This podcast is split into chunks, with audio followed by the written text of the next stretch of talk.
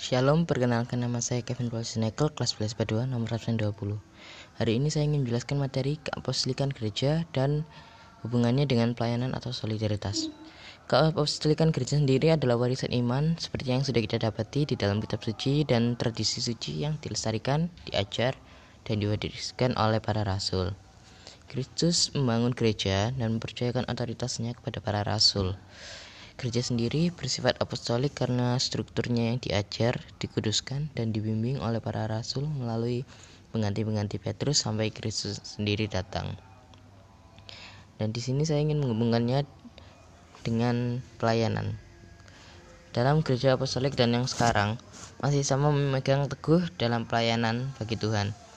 Melayani bukan berarti hanya di gereja namun juga di luar lingkungan gereja seperti membantu sesama dan yang lain-lainnya. Kedua hal ini berhubungan karena sama-sama melayani untuk Tuhan dan melakukannya untuk Tuhan. Saya sendiri juga sudah tergerak dalam pelayanan di gereja dan di lingkungan sekitar. Dan saya ingin mengajak bagi setiap kita juga untuk saling melayani dalam Tuhan. Dan jika kita melayani untuk Tuhan, lakukanlah itu dengan sungguh-sungguh dan segenap hati. Karena itu semua bagi Tuhan. Terima kasih, Tuhan Yesus memberkati.